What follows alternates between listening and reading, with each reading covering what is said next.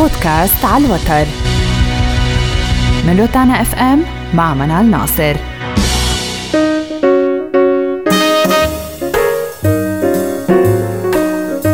الجاز الموسيقى التي تداعب أوتار القلب. فيمكننا القول أن الجاز أحد أفرع عدة للبلوز. الشجره الأم التي أثمرت مع موسيقى ال ragtime اشكالا أخرى أهمها ال gospel أو أغاني الكنيسة وال soul وال rhythm and blues وال funk والهيب هوب والراب وكانت هذه هي الأشكال السوداء التي استعارتها الموسيقى البيضاء لتخلق منها ال rock and roll والبوب والديسكو. وعلى هذا الأساس يمكن القول إن الموسيقى الغربية بسائر تياراتها الرئيسية اليوم إضافة إلى جميع التيارات الرئيسية غير الغربية التي إما تأثرت بالاستعمار الأبيض مباشرة أو كنتيجة للعولمة الحديثة تجد جذورها الشعبية في موسيقى البلوز. وجذورها الصفوية في موسيقى الجاز.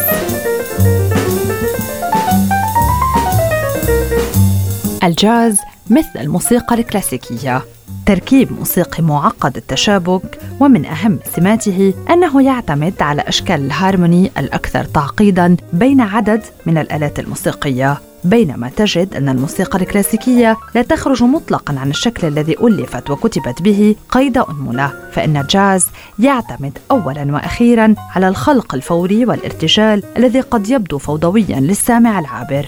إنه حوار حي متشدد بين العازفين سمته الأخذ من الآخرين والرد عليهم. العزف ليس على نبضات الإيقاع وإنما في منتصف المسافة الزمنية بين كل نبضة وأخرى. الخروج المتعمد على السلم الموسيقي ولكن بمهارة العازف الذي يحول النشاز إلى تناغم I see trees of green.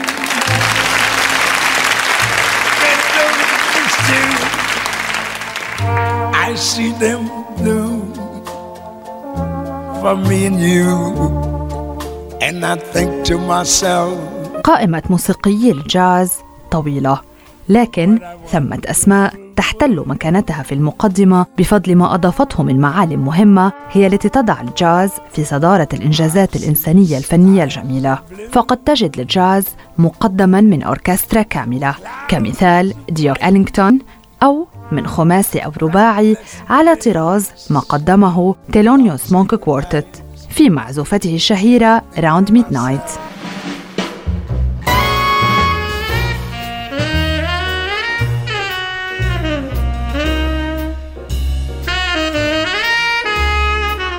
اتسع نطاق الجاز واتخذ لنفسه أكثر من عشرين تيارا فرعيا لكل منها أفرعه الخاصة وبعدما كانت نتاجا موسيقيا أسودا خالصا اكتسب له عشاق جدد في مختلف ثقافات العالم. بل إن الجاز اللاتيني نما بحيث صار أحد الأعمدة الرئيسية التي يقوم عليها الصرح الموسيقي في عموم أمريكا الجنوبية صعودا إلى المكسيك.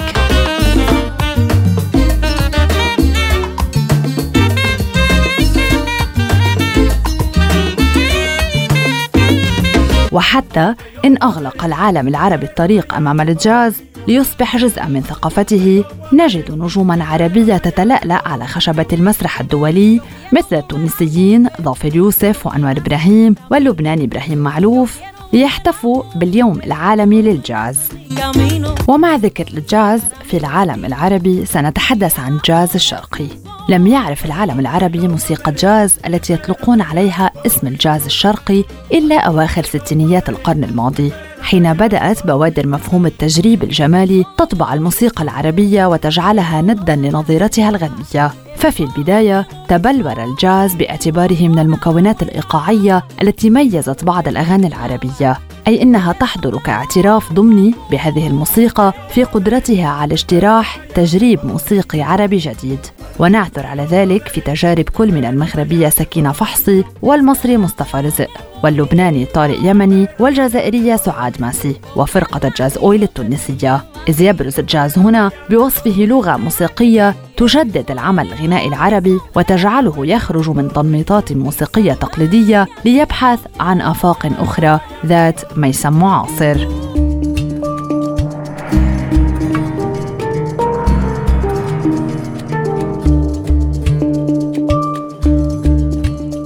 تقوم فرقة الجاز على استخدام العديد من الآلات منها الأبواق التي تحتوي على ترومبون، ساكسوفون، البوق ويمكن ضم الآلات الموسيقية ذات النوتة الواحدة حتى لو كان الصوت البشري وهي التي تقوم بعزف الألحان على حالتها المكتوبة أو الارتجالية.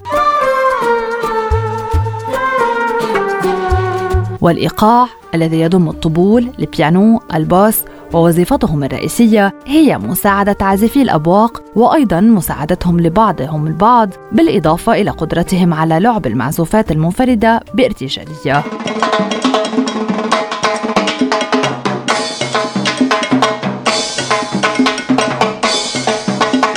قائمة موسيقي جاز طويلة حقا ولكن هناك أسماء تحتل مكانتها في المقدمة بفضل ما أضافته من معالم مهمة وهي التي تضع للجاز في صدارة الإنجازات. وعلى سبيل المثال لا الحصر نبدأ هذه القائمة مع تشارلز بادي بولدن. الذي يعتبر البعض هذا الموسيقي الذي عاش في نيو أورلينز أبو الجاز لأنه خرج في أواخر القرن التاسع عشر وأوائل القرن العشرين بخلطة جديدة ألفها من البلوز وال ragtime وال gospel ويمكن اعتبارها حجر الجاز الأساسي.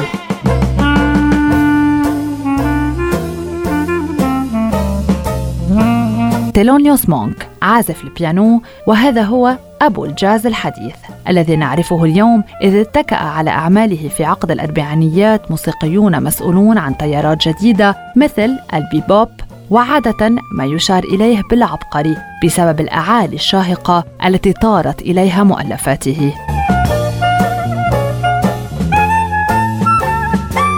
والجدير بالذكر أنه مع بداية الثلاثينيات بدأت مرحلة جديدة من عمر الجاز بالتشكل أطلق عليها the swing era أو عصر التأرجح. فقد اعتمدت فرق الجاز الكبيرة إيقاعات الرقص المتأرجحة في حفلات ضمن عدد كبير من الجمهور الراقص حتى أواخر الأربعينيات. وخلال تلك المرحلة ظهر قادة فرق بارزين مثل عازف البيانو كونت باسي وعازف الكلارينات بيني جودمان.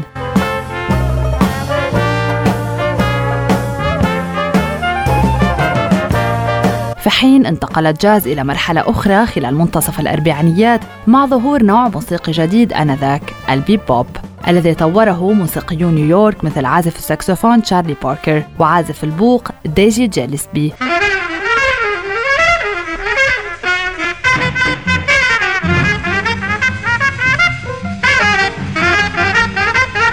على النقيض من موسيقى ال bebop ظهرت موسيقى ال cool jazz التي كانت أكثر نعومة وهدوءا وتحفظا. بينما كان أهم روادها الموسيقي مايلز ديفيس صاحب ألبوم جاز الأكثر مبيعا ألبوم Kind of Blue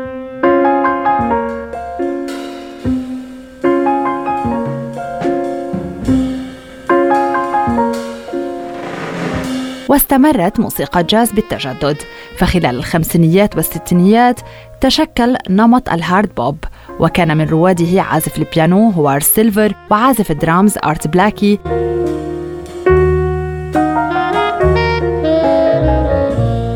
كما شهدت نهاية الخمسينيات تطور الجاز الحر الذي حاول متبنوه ومنهم عازف الساكسوفون أورنيت كولمان التخلص من المعايير والتكوينات التقليدية لموسيقى الجاز. في الوقت الذي كان فيه آخرون منهم مايلز ديفيس يجربون موسيقى الجاز النموذجية.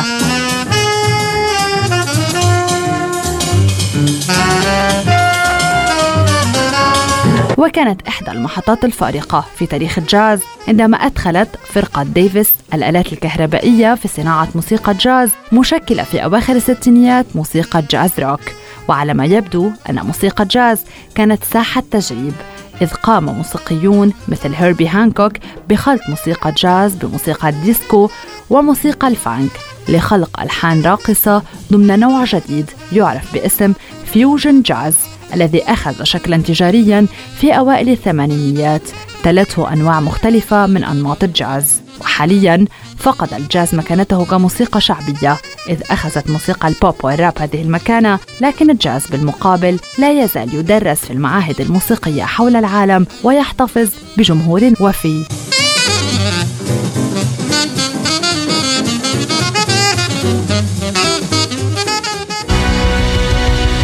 بودكاست على الوتر. من روتانا اف ام مع منال ناصر.